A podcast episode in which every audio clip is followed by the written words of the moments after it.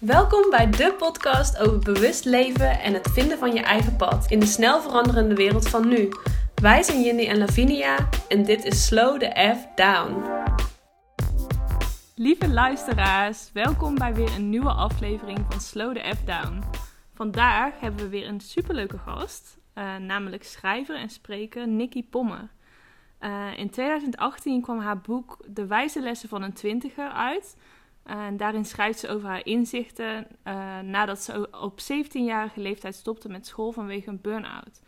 Uh, ze bespreekt in haar boek onder andere hoe je van jezelf leert houden, hoe je je grenzen aangeeft en nog veel meer onderwerpen die eigenlijk perfect aansluiten bij onze podcast. Uh, ja, we zijn ook heel erg blij dat jij te gast bent in onze aflevering, Nikki. Welkom. Dankjewel, wat een mooie intro. Ik vind het ook super tof dat, dat jullie me hebben gevraagd. Ja, ja. ja, heel leuk. Ja, we hebben je eigenlijk pas, in ieder geval, ik spreek even voor mezelf, kort geleden ontdekt. ja, ontdekt, ja. ja. En toen dacht ik, ja, zij zit eigenlijk precies met ons op één lijn. En uh, ja. na je boek te hebben gelezen, denk ik, ja, cool. Um, wow. En we komen allemaal uit Breda. Woehoe. Oh, ja, Ja. Ik kom niet uit Breda, ik woon er, maar... Ja, ik kom uit Breda, maar ik woon er niet. Ook. Nee. Precies. Grappig. Um, dus onze eerste vraag is altijd, wat betekent slow the F down voor jou? Oh, dat is een hele goede vraag. Ik heb er echt, uh, ik heb erover nagedacht sinds dat jullie mij vroegen. Mm. Um, want toen was ik het aan het luisteren en toen denk ik, oh, daar moet ik me op voorbereiden. en wat het voor mij betekent is heel erg dat je gewoon um, wel je ding doet, je leven leeft. Maar dat je um, stopt met constant in je hoofd zitten en constant stressen. en dat je, ik zit daar nu zelf heel erg in dat proces, dus daarom yeah. refereer ik er ook aan dat je uh, vol passie en inzet alsnog je ding kan doen. En dat je af en toe een, uh, heel enthousiast mag zijn en hard mag gaan. Maar dat je wel um, een bepaald vertrouwen hebt dat alles uitvalt of uitpakt zoals jij wil dat het uitpakt. En dat is een stukje voor mij, een stukje vertrouwen in het universum wat ik heb. Um, dat, dat kan voor iedereen anders zijn. Ik refereer aan het universum, maar anderen refereren misschien aan, uh, aan het leven zelf. Um, en dat is heel belangrijk voor mij, want ik uh, ben iemand die heel enthousiast is. Ik ben iemand die uh, ook best wel snel kan gaan. Maar ik moet heel erg waken dat ik geen dingen ga forceren. En dat is voor mij echt slow the F down. Zeg ik ook regelmatig tegen mezelf. Hey, take a chill pill. Uh, het is ja. goed ja. ja, precies. Ja, dat is heel herkenbaar. ja. ja.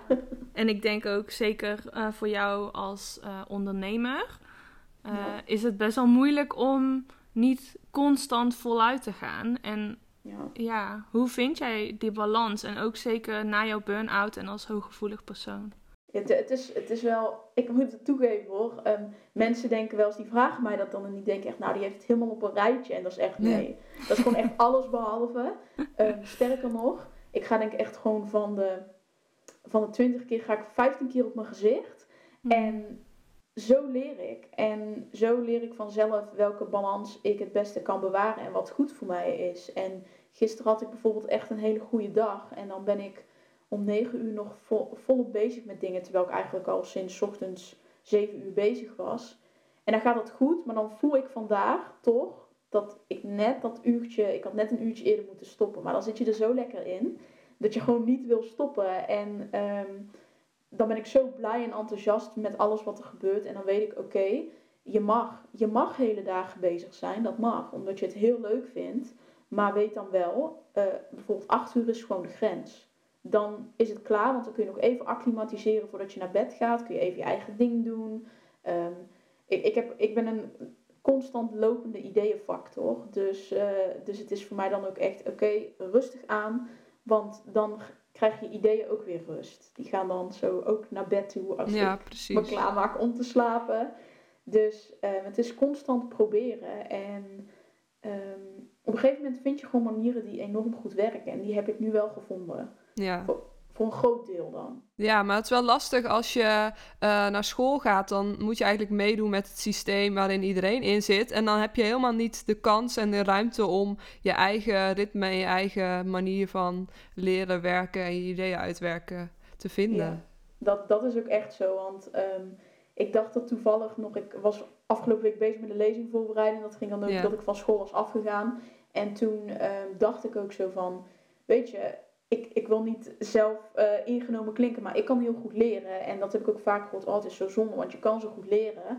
En als iemand mij nu een a- opleiding aan zou bieden in iets wat ik interessant zou vinden, en ik zou het helemaal op mijn manier doen, dan zou ik, zou ik morgen nog ingeschreven staan. Mhm. Alleen dat hele schoolsysteem, dat is gewoon zo verouderd, naar mijn inziens. Dat is zo niet meer van deze tijd. Ehm, of je nou goed kan leren of niet, ehm, sommige mensen willen niet de hele dag in een klaslokaal zitten. En ik ben daar ook iemand van. Zet mij een hele dag in een klaslokaal, het is een drama. Ik bedoel, ehm, ik heb alles wat ik nu weet, heb ik mezelf aangeleerd door het gewoon te doen. En dat is voor mij de meest praktische vorm en de beste vorm. Want daar leer ik ook het snelst van. Dus, dus ja, Ja, en ook de ruimte om inderdaad fouten te kunnen maken. Want Ja. dat heb je op school ook niet. Absoluut. Ik bedoel, kijk maar naar hoe we onze toetsen en examens inrichten. Dat je, ehm, dat je een hoog cijfer moet halen, want dan slaag je. En als je een lager cijfer haalt, slaag je niet. Maar je kan niet. ehm, Einstein heeft dat volgens mij ooit een keer gezegd. Je kan een vis niet beoordelen op zijn ability om een boom te beklimmen. Ja, Ja. precies. Want dan, dan zal hij zich altijd dom voelen. En dat is hetzelfde. Ik heb bijvoorbeeld, ik, ik was heel goed in talen en in geschiedenis en maatschappijleer, want dat vond ik interessant. Maar gaf mij een wiskundetoets en ik kreeg gewoon een gigantische blackout en ik was het helemaal kwijt. Dus, dus dat, dat, dat schoolsysteem, en ik denk dat dat ook de reden is waarom zoveel jonge mensen uitvallen, dat, dat is gewoon zo gedateerd. Dat is niet meer van deze tijd. Mhm. Ja, Ja, klopt, precies. ja. Nou, dat hebben we ook in onze, even denken, is dat nu ervoor? In aflevering 13 besproken. Ja, ja, ja, ja. Ja. ja. Over onderwijs, ja. Ja, heel interessant. Ja, we hopen ook echt dat, daar, dat het gewoon gaat veranderen, inderdaad. Maar is dat ook ehm, het schoolsysteem ook de reden geweest dat jij die burn-out kreeg? Zeg maar, natuurlijk wel naast persoonlijke dingen, maar... Ehm, ik, nou, je hoort heel vaak dat mensen zeggen als ze aan een burn-out denken, denken ze aan perfectionisme en hoge druk. Mhm. En ik was heel perfectionistisch, echt gewoon in het ongezonde. Want dat was voor mij een manier om bevestiging te krijgen voordat ik er mocht zijn. En dat ik goed was zoals ik was. Dus dat heeft een heel groot aandeel gehad. Ehm, nou ja, dan ook persoonlijke situaties, inderdaad, druk vanuit een relatie. Dat vond ik heel heftig. Ehm, dat was een hele ongezonde relatie. Daar was ik veel te jong voor. Ik raad ook echt iedereen die rond de 16 is, neem geen relatie. nee, nee, maar dat is ook onzin. Alleen ik had, ja, ik had gewoon de verkeerde relatie op dat moment. En ehm, dat samen met dat schoolsysteem, dat, dat, dat bijvoorbeeld om, om acht uur vertrekken, om half negen op school en dan een hele dag met al die energieën in een Oh. lokaal zitten. Ja. Oh my god. Ja. En dan, dan thuiskomen en dan nog een baantje hebben en, en dan nog ehm, huiswerk moeten doen. En als je het een beetje goed wil doen, dan was je daar gewoon... Ja, mensen vinden dat overdreven, maar ik was daar gewoon 40 uur per week mee bezig. En dat is gewoon helemaal niet gezond voor iemand van 16, 17. Nee, Dus- zeker. Ik, ik ben er echt van overtuigd dat... ehm, laat ik het zo zeggen...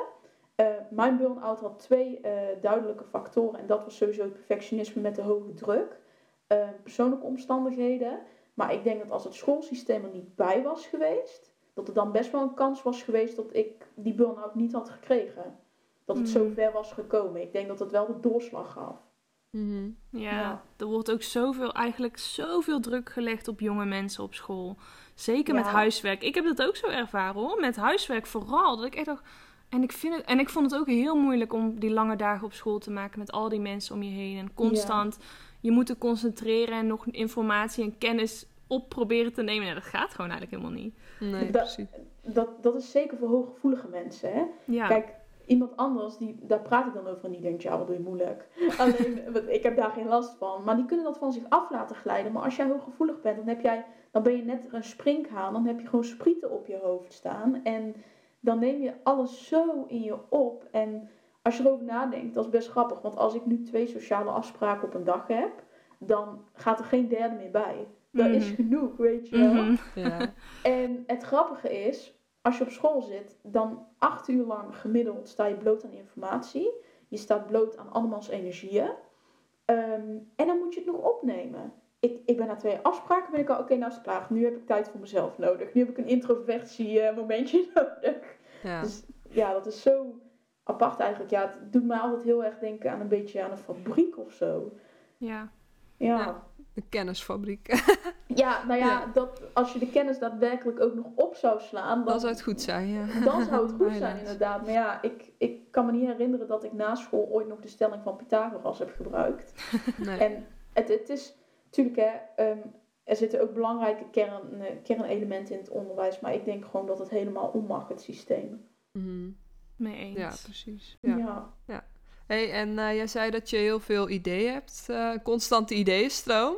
Maar ook dat je volgens mij heel veel dingen leuk vindt en dat je er ook goed in bent. Maar hoe kies je dan werk dat bij je past zonder het gevoel te hebben dat je bepaalde interesses en talenten niet gebruikt? Ehm, het is voor mij heel belangrijk. Ik, ik gebruik daar het kapstokmodel voor. Ja. Ehm, en ja, ik zit het nu beeld, uit te beelden, maar ik probeer het met een spraak over te brengen. Eh, je kan het eigenlijk zien, een kapstok heeft meestal een, een hoog puntje waar je hem aan vastmaakt. En dat zie ik als mijn missie. Dat puntje is mijn missie. En daaronder heb je allerlei haakjes. En die haakjes zijn voor mij de dingen die ik mag doen. En ik weet dat mijn kapstok maximaal twee, heel hoog uit drie haakjes mag hebben. En daarbinnen, alles wat aansluit op die missie, mag ik onder die haakjes plaatsen. Maar het is voor mij wel zo, ja oké, dat is heel leuk. Maar als je er nu nog iets bij wil nemen, dan zul je iets weg moeten halen. Want ik weet dat die drie haakjes mijn grens zijn. Kijk, bij een ander zijn dat misschien acht haakjes. Of misschien zelfs maar twee haakjes of één. Eh, bij mij zijn het er drie, dat weet ik. En het is dan heel belangrijk voor mij om te prioriteren. Ja. Dus ehm, ik weet zo van, ik kijk dan echt, oké, je hebt nu een idee. En het is een heel random idee. Bijvoorbeeld, ik had laatst een, een idee voor een dating app. Waarbij je dus niet, ja, Ja. waarbij je dus niet eh, kijkt naar, ehm, naar, naar uiterlijk, eh, geslacht, whatever. Maar dat je dus iemand kan zien en iemand heeft dan een kleine biografie over zichzelf. En dan klik je en dan kun je vragen aanklikken. Echt levensvragen, weet je wel. Echt diepe Ja, vragen. Dus Heel niet, cool. Ja. ja, als je gaat daten, zo van, hé, hey, eh, waar woon jij? Wat doe je voor werk? Ja, echt- precies. Echt Dat sla je dan over. Ja. Precies, die diepe vragen. Vind het echt een goed ik- idee. Ja, nou ja, ik dacht, oké, heel leuk. En misschien voor in de toekomst, maar het draagt nu niet bij aan wat ik wil doen. Dus prioriteren is voor mij zo belangrijk. En Ja. ehm, een heel goed boek daarover is Essentialisme van George McKean. McKean McEwen. Ik kan het niet helemaal uitspreken, alleen dat boek. En dat is dus dat je heel erg essentialisme leert toepassen. Zo van, wat is echt van belang? Mhm. Wat, wat voegt betekenis toe aan mijn leven? En eh, ik heb het boek nog niet uit. Maar ehm, wat ik eruit heb gehaald is wel, dat heeft me echt geholpen om dat kapstokmodel in te richten. Ja. En welke Ja. drie dingen zijn dat dan die jij, eh, waar jij je tot beperkt, zeg maar, zodat je het kan handhaven? Ehm, ja, voor mij is het op dit moment dus mijn eerste bedrijf, CNIC. En eh, daar valt mijn boek onder, mijn blog, ehm, ook mijn, mijn strategie-sessies, waarin ik dus zeg maar duurzame ondernemers help met hun concepten te ontwikkelen. Ehm, het tweede haakje is New Vibes, dat is mijn sprekersbureau. En ehm, het derde haakje is momenteel open. Die is niet ingevuld. En ik hou het op dit moment even zo, maar ja, dat, Ja. dat voelt voor mij het beste. Alleen daar kan eventueel nog iets bij, maar dat hoeft niet. Ehm, want ik merk nu wel, mijn eerste bedrijf begint nu te lopen op een manier waarop ik niet had verwacht. En daar ben ik super blij mee. Mhm. Dus dan merk ik ook dat daar gewoon mijn focus op dit moment het meest naartoe gaat. Dus Ja. dat is eigenlijk op dit moment mijn zomerjas. Want die trek ik sneller aan dan de winterjas.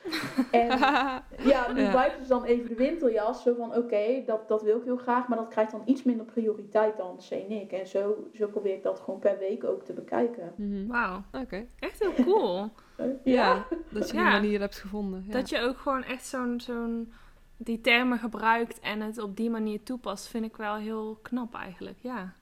Oh, nou ja, dankjewel. Het is, ehm, ik, ik, ben zo, ik ben een beelddenker, dus ik, ik heb dan iets in mijn hoofd zitten qua theorie en dan zet ik het helemaal om naar beelden. En dat is dus nou het kapstokmodel, de zomer- en de winterjas. En het, het werkt, ja. Ja. Maar die mij. kapstokjes, hè, ehm, Mhm. gaat het dan alleen maar over werkdingen? Of heb je ook nog kapstokjes voor sociaal leven eh, en al die andere dingen? Ehm, ik moet toegeven, en ehm, ja, ik, ik voel me daar op dit moment heel goed bij. Ik heb weinig sociaal leven. Ehm, maar dat komt omdat ik zo lang heb ik mijn tijd gegeven aan mensen waarvan ik het niet terugkreeg.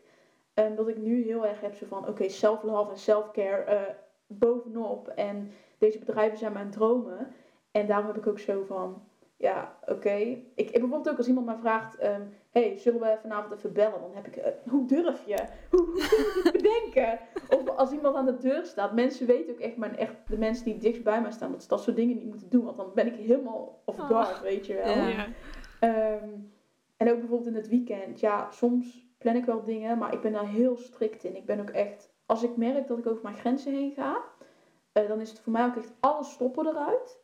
Ehm, en ik kreeg laatst van iemand te horen, wow, ik heb daar echt respect voor dat je dat durft. Alleen, voor mij zit dan echt alle afspraken gaan eruit. Ehm, eh, heel de dagen gaan leeg. En het enige wat ik ga doen is zitten en reflecteren op waar het ook mis is gegaan. En accepteren dat ik daar dan de mist in ben gegaan. En ehm, gelukkig bereik ik dat punt niet snel meer. Alleen, ik merk wel dat ik... Ik heb het een paar weken geleden gehad.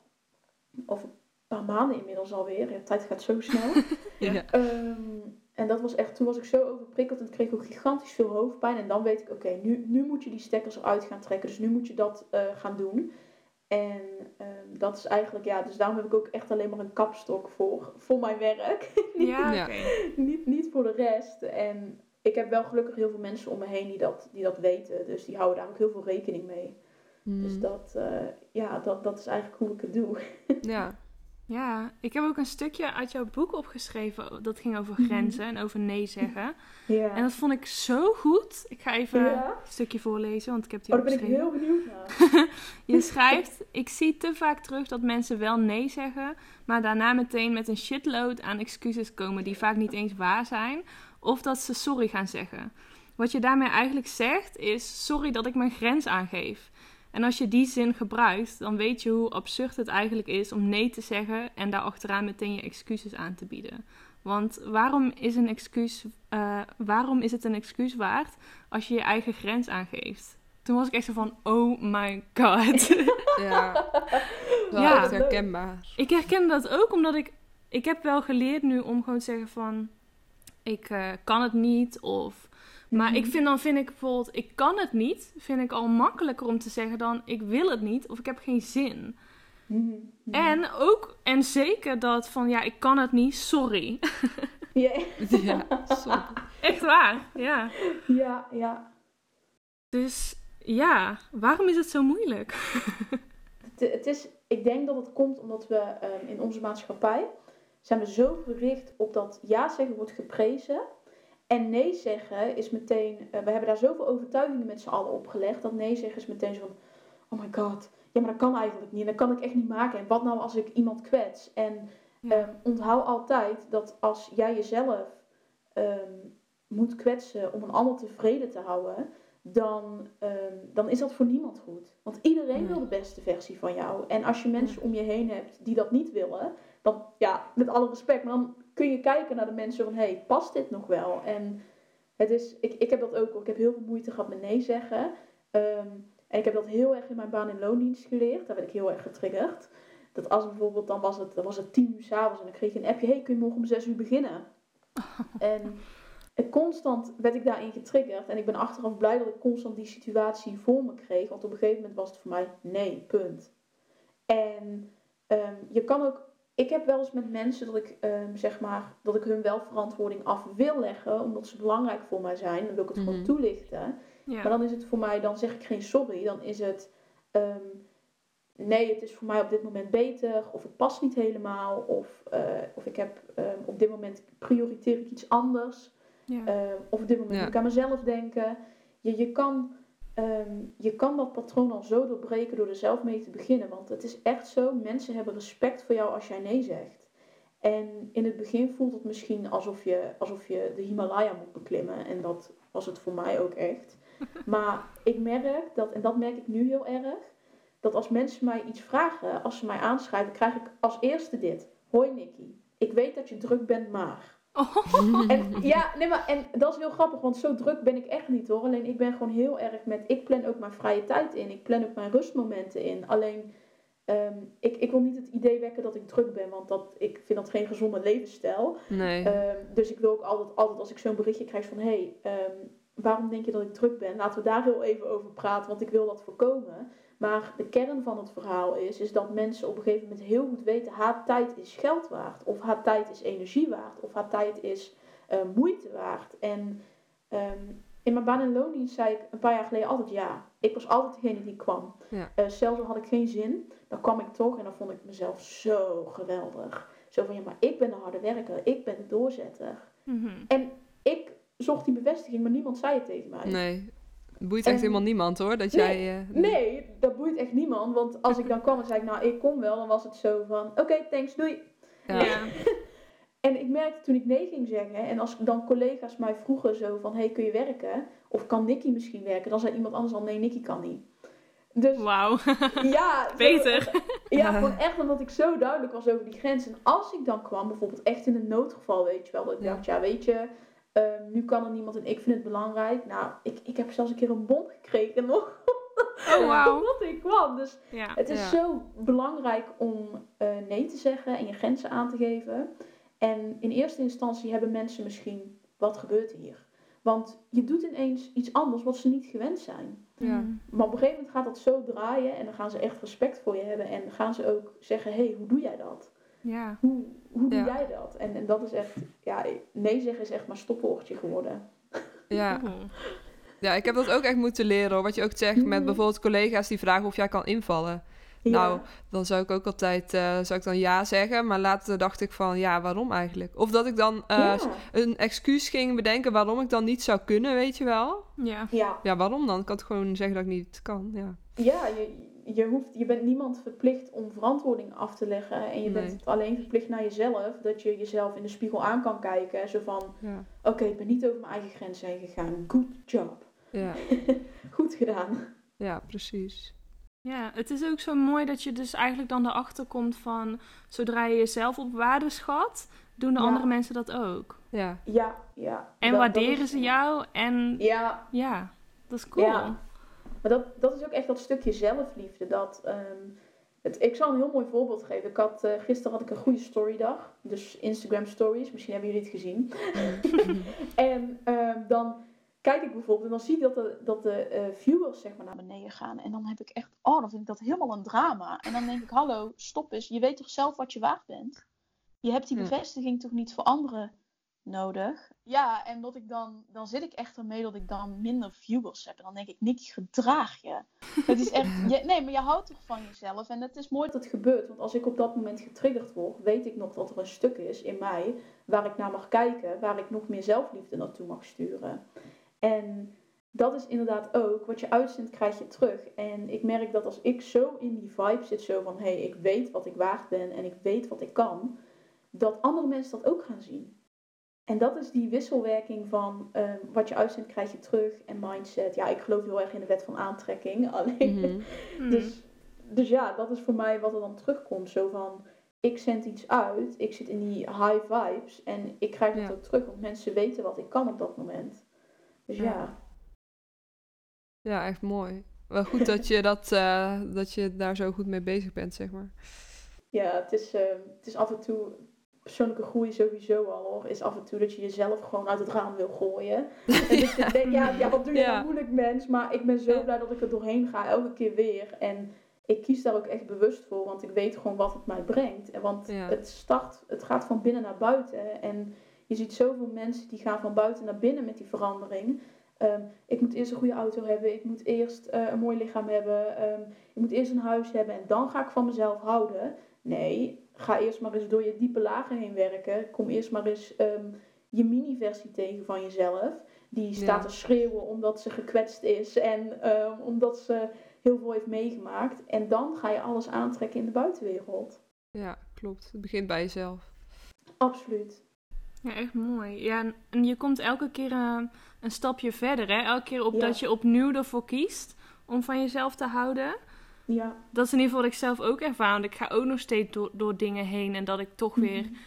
weer aan mezelf twijfel of soms negatief ben of het allemaal niet goed genoeg vind. En elke keer als ik opnieuw ervoor kies, nee, maar het is wel goed en ik ben wel Ja. goed, dan ja, kom je verder. Ja, Ehm, Ja, zeker. dat is echt zo. Ja.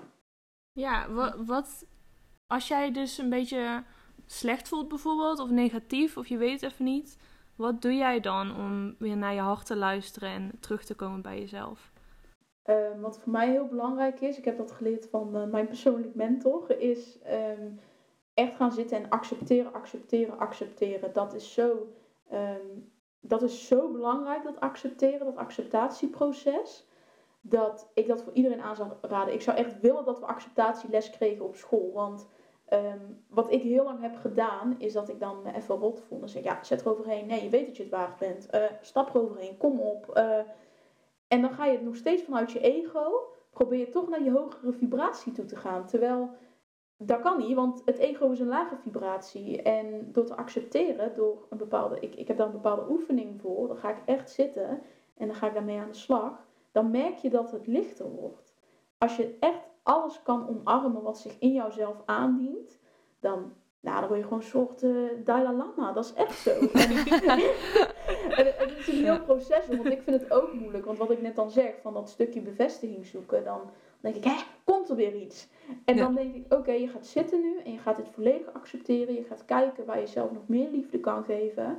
En dan weet ik dat het goed is. En dan weet ik dat het mhm. vertrouwen is. Ik ben nu al goed zoals ik ben. En ik mag nu al ontvangen. Ik mag nu al in mijn licht staan. En daar hoef ik niet eerst uh, nog 10.000 dingen voor te doen. En constant als er bij mij dus iets zich aandient, bijvoorbeeld twijfels, angsten, um, nou ja, alles wat negatief is om het zo maar even te benoemen, dan ga ik gewoon zitten en dan ga ik accepteren. En af en toe word ik daar zelf ook echt lui van of loom. Dat ik denk, ah, dan gaan we weer accepteren. Ja. Maar het is zo belangrijk, ook met het warme weer bijvoorbeeld. Ik heb daar gewoon bijna geen last van gehad, omdat ik het gewoon constant accepteer. Want als je zodra je in verzet gaat, trek je jezelf alweer een lagere vibratie in. Mhm. En zit je alweer precies waar je niet wil zijn. En dan heeft jouw ego ook precies een zin. Want die wil jou voorkomen, die wil voorkomen dat jij in die high vibe zit. Dus die heeft dan zo van ja, dan heb ik al gewonnen. Dus dat, dat stukje uh, niet meer in verzet gaan en niet meer in strijd. Oh, dat heeft me zoveel inzichten opgeleverd. Ja. Mm. Ja, ik snap dat wel. Net als bijvoorbeeld als je uh, te laat komt of uh, je bent bang dat je de trein mist of zo. Ja. Dan kan je er wel druk over maken, maar je kan het ook accepteren. En dan is het eigenlijk voor de helft minder erg, omdat je het niet het vervelende gevoel erbij hebt. Maar ik vind dat soms zo moeilijk. Ik kan me soms echt zo opvreten. Dat, dat is ook moeilijk hoor. Dat, dat, dat heeft iedereen denk ik, dat, dat er dan even... Ah, dat je dan wel gewoon echt iets, ja, iets kapot wil maken of zo op zo'n moment. Alleen je maakt het inderdaad alleen maar erger door in verzet te gaan. En jouw ego heeft dan inderdaad precies haar zin. Want die heeft zo van, nou dan heb ik het weer voor elkaar. Want dan zit ze niet in haar hart. En dan bescherm ik, dat, denk, dat denkt het ego, dan bescherm ik haar van emotionele risico's. Nou, mhm. dan zijn we allemaal weer goed. Maar uiteindelijk is dat de bedoeling niet. Dus ehm, dat accepteren, ja, dat, oh, dat maakt mijn leven echt zoveel beter. Dat ja, is ongekend. Ja. ja, dan heb je veel meer innerlijke rust, hè? Ja, ja, dat is echt het fijnste wat er is, innerlijke rust. Echt dat, dat innerlijke rust en dat stukje vertrouwen gewoon zo van... Hé, hey, weet je, ik doe mijn best. Ik kan niet meer doen dan mijn best. En de rest, dat heb ik dan. De rest laat ik aan het universum over. Dat is voor jullie jongens, dat is jullie taak. Uh, ik doe dit eh, en that's it. Ja, precies. Um, hoe heb jij zo'n sterk vertrouwen gekregen in het universum? Oh, dat is echt heel moeilijk. dan nou, um, dat is ook weer constant een proces van zo vaak dat het vertrouwen ontbreekt en zo vaak met je neus tegen de deur uh, of tegen de muur aanlopen, dat je het aan het forceren bent en dat je aan het pushen bent en dwingen, dat ik gewoon merkte, ja, maar ik word hier moe van. Ik, ik word hier gewoon moe van en ik heb geen zin om moe te zijn, want het zijn dingen, ja, ik kan me over bepaalde dingen zorgen blijven maken, alleen dan zit ik dus inderdaad weer in die lagere vibratie, dus dat vertrouwen, dat, dat is al zo gebleken, ik merk dat nu ook. Ehm, ik weet dat ik me moet focussen op het creëren van dingen, op het naar buiten brengen van dingen, op het zichtbaar zijn bijvoorbeeld. En dan volgende, vorige week ook, ja, dan krijg ik allemaal um, uh, boek verkopen uit het niets, weet je wel, dat ik echt denk, waar komt dit vandaan? En dat is dat stukje vertrouwen dat um, ik gewoon zie, het universum beloont het ook echt. En ik heb nu zo van, Nikki, als je nu weer uit het vertrouwen schiet, dan ben je gewoon ondankbaar. Want het universum is zo duidelijk aanwezig en... het helpt mij ook heel erg om te denken dat, dat ik het universum ben. Ik ben daar onderdeel van. En dat zijn we allemaal uiteindelijk. Ehm, en ik heb toevallig ook een boek gelezen over je inner critic voice en je inner mental voice. En die inner mental voice, hoe je die kan aanroepen, dat, dat is echt, die weet antwoorden.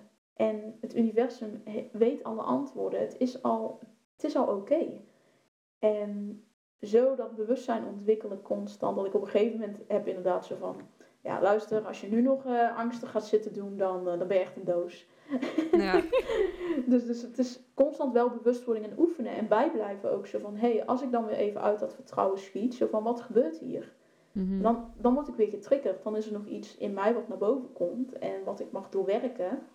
En dat doe ik dan ook. Zitten, accepteren. en dan gaan we weer. ja. Dus dat is eigenlijk wat, wat ik constant doe. Knap.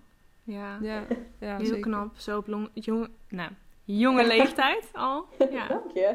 Ja. ja. Dan ben je echt al wel ver gekomen, denk ik. Met al die inzichten. nou, dank je. Dat is echt uh, dat is een heel mooi compliment. Die ja. neem ik mee voor de hele dag. Je verdient het. ja. Dank je.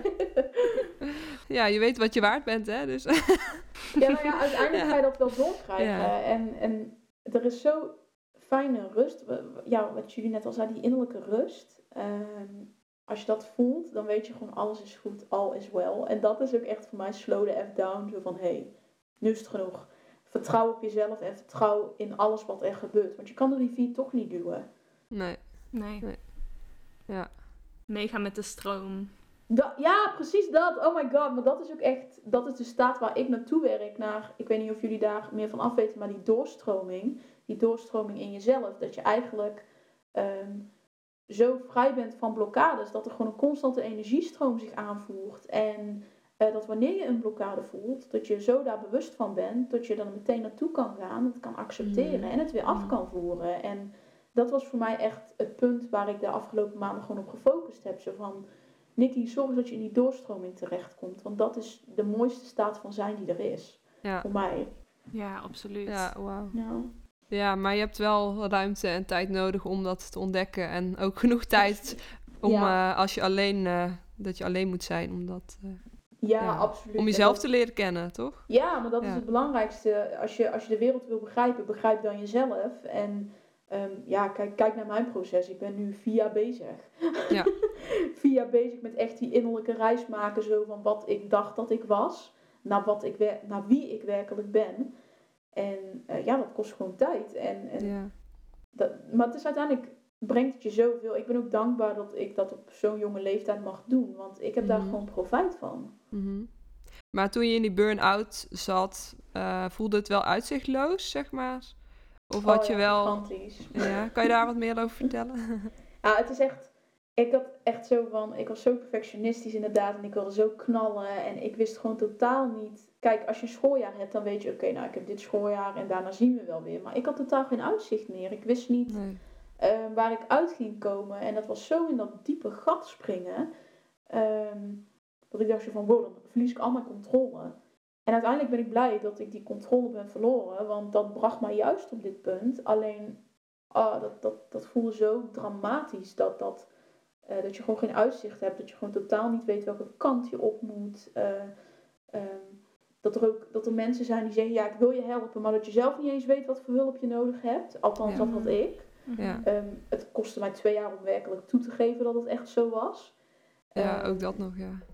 Ja, want dat is ook nog zoiets. Heel veel mensen denken dat als ze dan thuis komen te zitten, dan gaan ze zo in dat verzet tegen die burn-out. En dan, dan, um, dan is het ja, ik moet wat rust nemen, dan is het wel weer goed. Nee. Ja. Nee, even bijslapen. Even bijslapen, even wat uurtjes uh, bijtanken, dan is het goed. Nee, het is een heel bewustwordingsproces wat je dan aangaat. En durf je het aan te gaan, is de vraag. Um, maar ja, als je dat niet durft, ik, ik, ik, zie bijvoorbeeld ook bij mijn moeder, die heeft gewoon echt meerdere burn-outs gehad. Um, omdat zij uh, elke keer bedacht ze van ja, oké, nou ik ben bijgetankt, nu kan ik er wel weer voor gaan. Ja, ja op dezelfde manier weer verder. Ja, op dezelfde manier weer verder. Want je hoort ook inderdaad, Jenny, daar hadden wij het toch nog over. Volgens mij over dat mm. mensen dan zeggen inderdaad over ja, ik ben bang dat ik mijn oude zelf nooit meer hoor. Ja, ja. ja, dat is de bedoeling. En tuurlijk, je, je, ja. ja, Je, je ontdekt juist de, de, de, je ontdekt juist jezelf. En de oude zelf, tuurlijk zul je dingen meenemen. Ik neem ook dingen mee van een paar jaar geleden. Alleen de persoon die ik toen was en die ik nu ben, die kan ik niet eens meer naast elkaar zetten. Ja. Dat Nee, is echt- precies. Ja, ongelooflijk gewoon. Ja. Nu moet ik denken aan Nienke Turlings, die eh, in haar boek schreef en ook in onze podcast vertelde. Mhm. Als je opnieuw geboren wilt worden, moet je bereid zijn eerst te sterven. Ja, dat is dacht echt ja, eigenlijk is een burn-out wel een beetje wat het is. Ja, absoluut. Daar was ik het ook helemaal mee eens. Ja. Ja, dat is echt mooi. Het is echt een reset. ja. ja, Een kans Ja. om, om het anders te gaan doen. Zo heb ik het ook echt opgepakt. Ja. dat ja. zeker. Ja. Maar was dat dan bij jou... Dus jij accepteerde het pas toen je al zo lang thuis zat? Of heb je pas... Zeg maar, wanneer kwam het moment dat je wist van ik moet stoppen met school en het gaat echt niet meer? Eh, Dat, dat was echt, dat, dat was best wel heftig. Want ik weet nog toen, ik heb altijd al een interesse gehad voor spiritualiteit. Maar ik was wel zo van, ja, wel met twee benen op de grond blijven staan. Ehm, en ik hoorde dan wel eens mensen vertellen dat ze zo'n ervaring hadden gehad. Dat ze echt hun lichaam op afstand zagen. En dat ze een soort ontkoppeling hadden. Hmm. Toen dacht ik, ja, je, dit. Dan dacht ik altijd, ja, je bent een beetje gek. Dat, dat gaat dan weer te ver, weet je wel. Tot op het moment dat ik gewoon zelf in bed lig en met mijn gedachten zo op de fiets zit en naar school rij en ehm, eh, mijn boterhammen smeren en noem het allemaal maar op. En ik gewoon nog in bed lig en ik gewoon letterlijk mezelf daar zie liggen. Wauw. En ja, dat ik gewoon echt Oh dacht, ik, ja, dat ik gewoon mijn lichaam omhoog wilde duwen. En ik krijg het gewoon niet meer mee. Ik krijg het gewoon niet meer mee. Alsof ik gewoon echt een blok beton was geworden van, van 1500 kilo. Wat je gewoon in geen godsvermogen omhoog getild krijgt. En ehm, dat was echt, toen dacht ik, ik moet nu stekkers eruit gaan trekken. Want ik ben gewoon helemaal over, overweldigd, overprikkeld. En ik wist diep van binnen wel, ja, dit is gewoon een burn-out. En ik, uiteindelijk is dat ook wel zo gecommuniceerd. Maar dat ik het echt voor mezelf durfde toe te geven. Zo van, hé, hey, misschien moet je eens wat dingen gaan veranderen. Want je oude manier van doen werkt niet. Mhm. Zo, dat, eh, dat, dat heeft echt twee jaar geduurd. Ja. Wauw, ja. Ja. Mooi hoor. Toch mooi dat je nu zo ver bent gekomen. Maar eh, vaak Ja. moet het inderdaad zo ver komen. En ik denk dat dat voor heel veel mensen zo is. Mhm. Ehm, maar misschien is het wel Ja. mooi om nu een beetje een grotere vraag te stellen dan. Mhm. Eh, wat denk jij dat er nodig is in onze maatschappij, de huidige maatschappij, om het collectieve bewustzijn te vergroten? Ehm, heb je even, ik heb wel een lijst, een papierensrol. Ehm, ik denk dat het heel belangrijk is dat er eh, mensen opstaan, dat mensen echt actief die leidersrol innemen. Ehm, en bijvoorbeeld eh Nienke Teurlings doet dat, Lisa Jansen, eh jullie doen dat.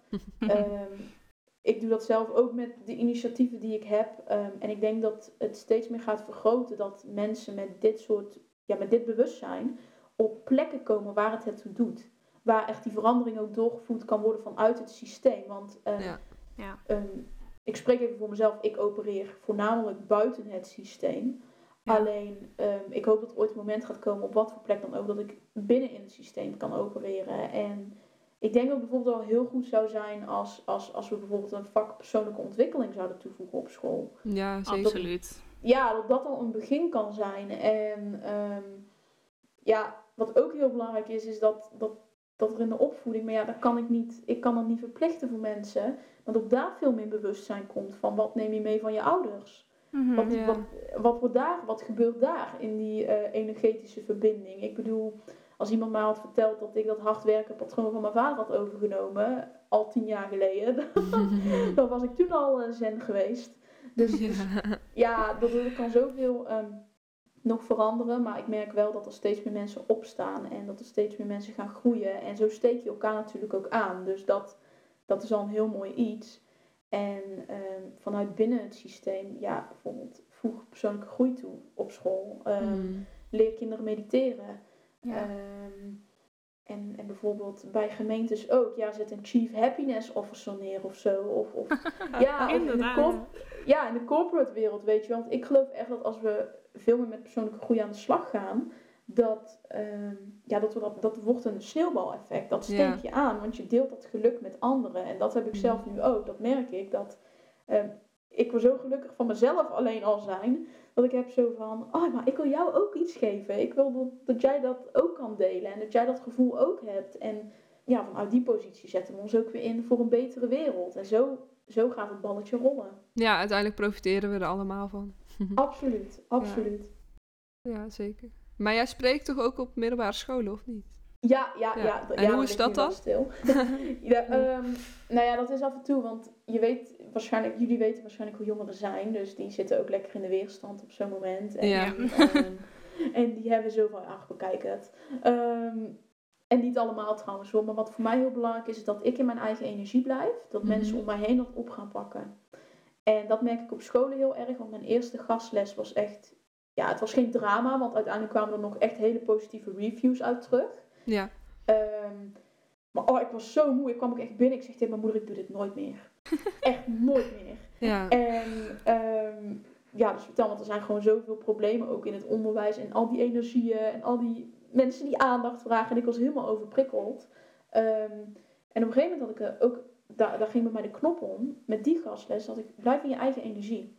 Blijf focussen op jezelf. En toen zaten er nog een paar jongens die het heel grappig vonden. Die echt dachten, ja, wat de fuck, met mij is er niks mis. Ehm, maar dat waren drie van de twintig leerlingen. En de andere 17 waren zo enthousiast en geïnspireerd dat ze na de gastles meteen aan de slag gingen met de tips die ik gaf. En Ja. dat is dus heel belangrijk, zeker als je voor een groep spreekt, dat je in je eigen energie blijft.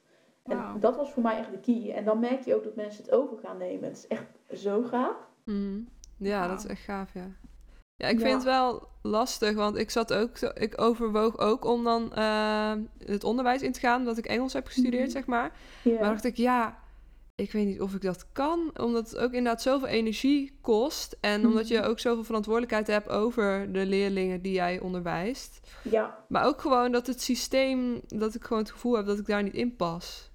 En Ja. ik denk dat dat nog wel een beetje een, een, een drempel is voor de, nou ja, misschien hooggevoelige mensen, of in ieder geval de mensen Mhm. die het systeem willen veranderen, om er echt wel in te komen, in te blijven en echt verandering aanbrengen.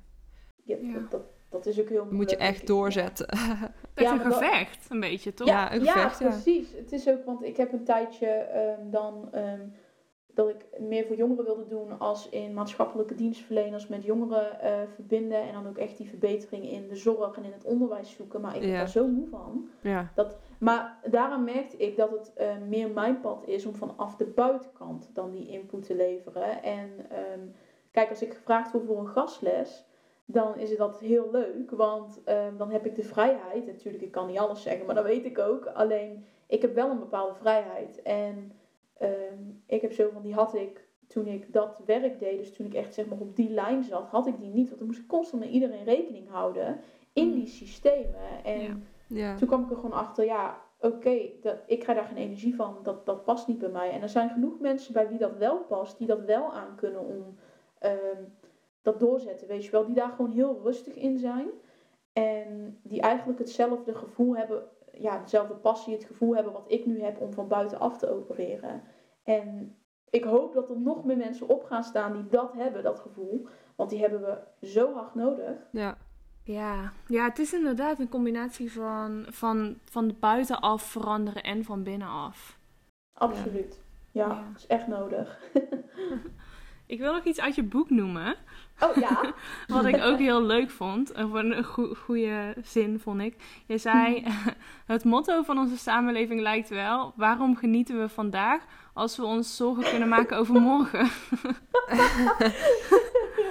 en eh, je hebt het dan, ja, dat vind ik zo grappig, maar waarom hebben we zo'n wantrouwen in het leven juist? Mm, ja, dan ga ik hem echt heel diep pakken, omdat, omdat we, we hebben niet anders geleerd. Het is, ehm, we hebben, we hebben een, ehm, een kabinet, we hebben een, eh, ja, hoe zeg je dat, een regering. En ehm, ik denk dat dat heel erg te maken heeft dat op een gegeven moment gaan mensen gaan de leidersrol pakken, of de dictatorrol. En die gaan zo anderen eronder, in de onderdrukking houden. En als dat maar lang genoeg doorgaat, kijk naar gewoon duizenden jaren, ja, dan op een gegeven moment krijg je mensen die zelfs in een hele westerse, moderne maatschappij gewoon alleen maar op overlevingsstand staan, omdat we niet anders kennen. We kennen het eh, genieten niet. Ik bedoel, kijk maar eens als iemand bijvoorbeeld in de supermarkt. Mijn moeder is iemand die altijd heel gek doet en ik vind dat heel leuk. Ehm, en ik merk ook dat als zij scheid heeft aan anderen op een respectvolle manier, dat, eh, dat anderen daar ook heel leuk op reageren. Maar er zijn genoeg mensen die super jaloers naar haar kijken. Of die ehm, haar een rotgevoel willen geven. Of, of... Dus, dus we zijn gewoon niet gewend om gelukkig te zijn. Ja. Om, we hebben zo aangeleerd dat we gelukkig mogen zijn als we of we hard werken, of iets bereikt hebben, of we moeten horen dat we dat verdienen. Nou ja, noem heel het riedeltje maar op. En ik denk dat als we geluk zouden leren van jongs af aan, zo van dit is de natuurlijke staat van zijn, dat, dat, nou, dat we dan echt een mooie wereld hebben. Dan hebben we echt zo'n één, één gelukbal. Ja. Ja. ja, dat het dat inderdaad de natuurlijke staat van zijn is. Ja, En weet je waar ik aan moet denken nu? Ook dat, ik denk vanuit vele religies, het Mhm. ook het soort geloof is dat je dus wordt geboren als zondaar. Dus dat je slecht Ja. wordt geboren. Maar dat zit er nog Ja. best wel diep in, ook al ben je dan niet gelovig.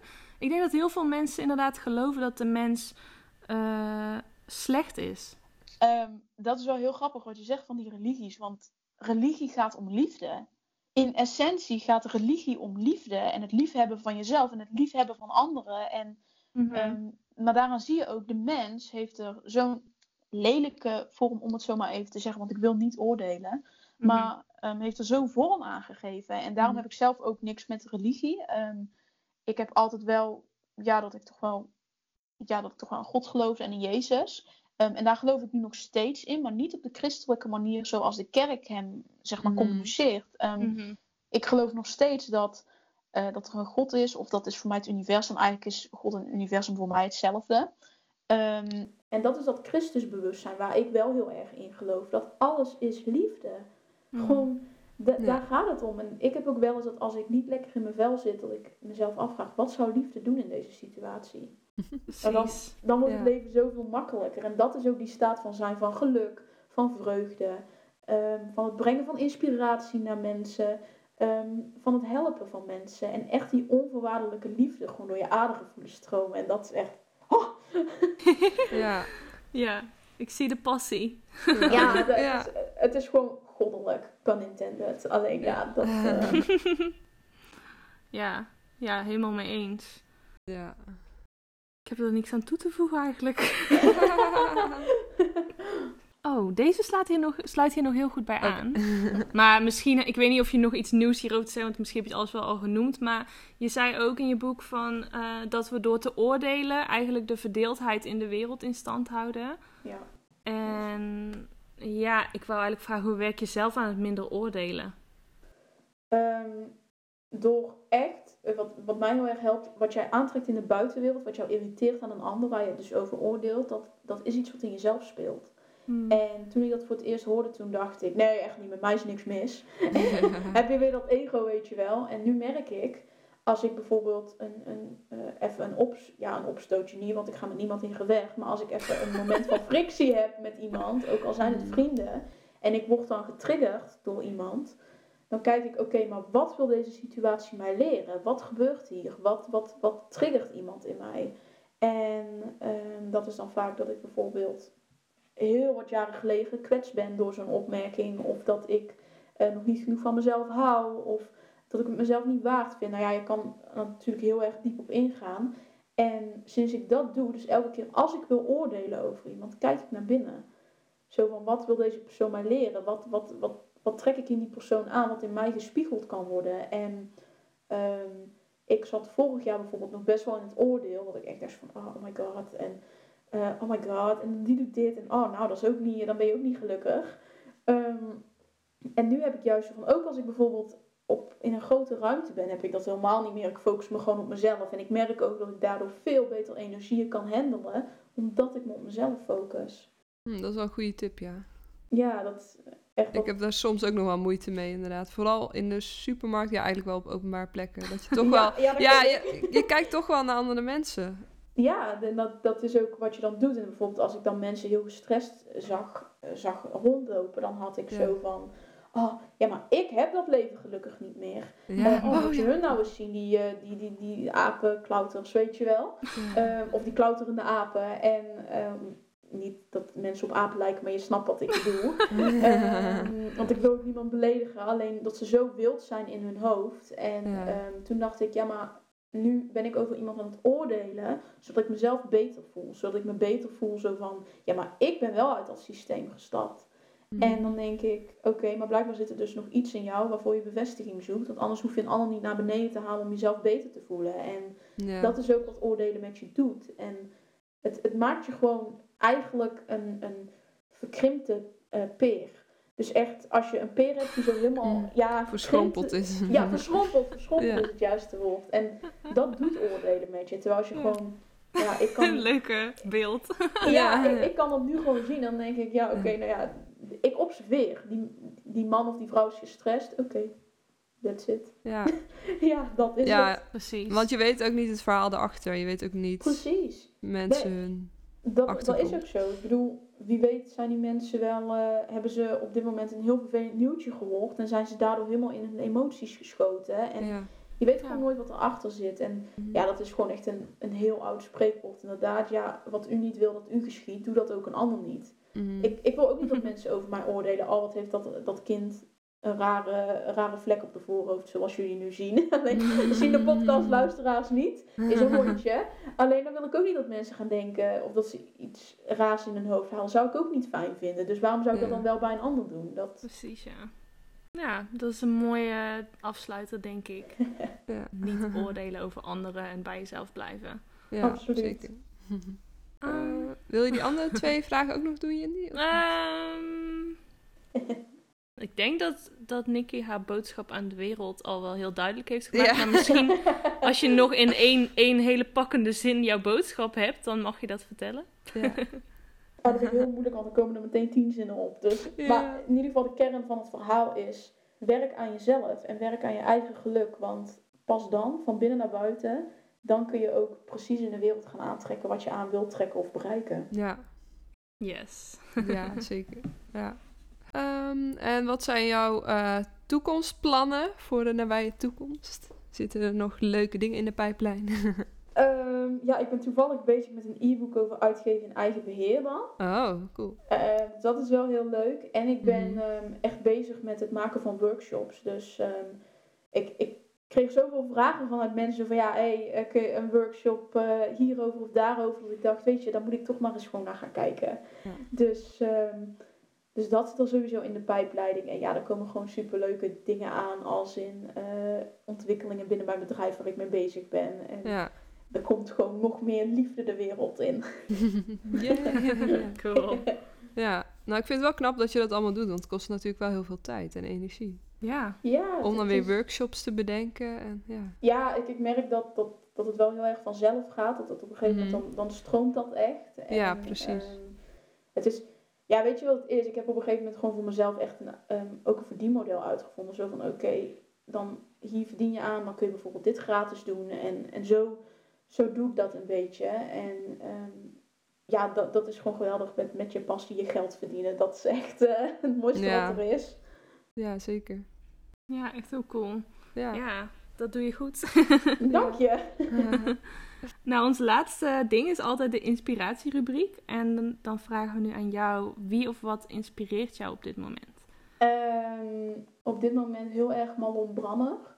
Ehm, en zij is eigenlijk mijn persoonlijke mentor. Ehm, en zij beoefent heel erg die acceptatietechniek, die ja, practice what you preach.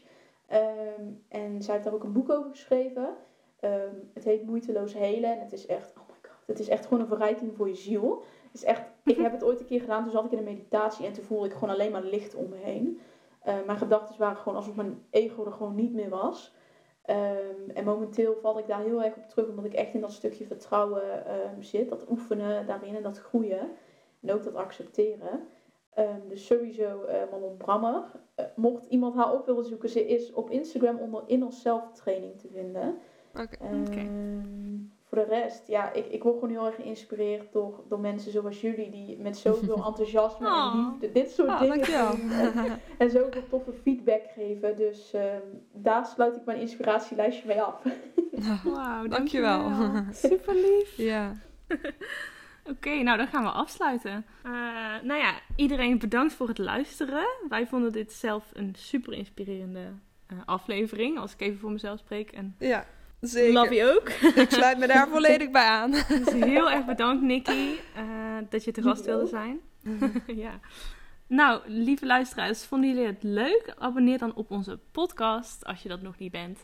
En je kunt een review achterlaten. Dat zeggen we altijd, maar dat menen we ook. We willen heel graag leuke, leuke reviews over onze Ja. podcast. en ehm, ja, je kunt ons ook volgen op Instagram. Slow the F Down Podcast. Ehm, en ons een keer een berichtje sturen. Gewoon omdat je iets wil zeggen over onze podcast. Of iets wil vragen aan ons. Ja, we vinden het leuk om te communiceren. Ja. Ehm, en Nicky, waar kunnen onze luisteraars jou vinden? Ehm, ik ben heel simpel. Ehm, op Instagram gewoon @nikkipommer. Hm. Ehm, en op Facebook ook. nou, en op. LinkedIn ook. En op Pinterest ook. En overal eigenlijk. Nou, ja. ja, dat is Dat moet wel lukken dan in ieder geval. En jouw website is zeker niet? Ja. Got it. Ah. Oké, Ja. perfect. Ehm, ja, ik denk dat dat het wel was voor eh, deze aflevering dan. Ja.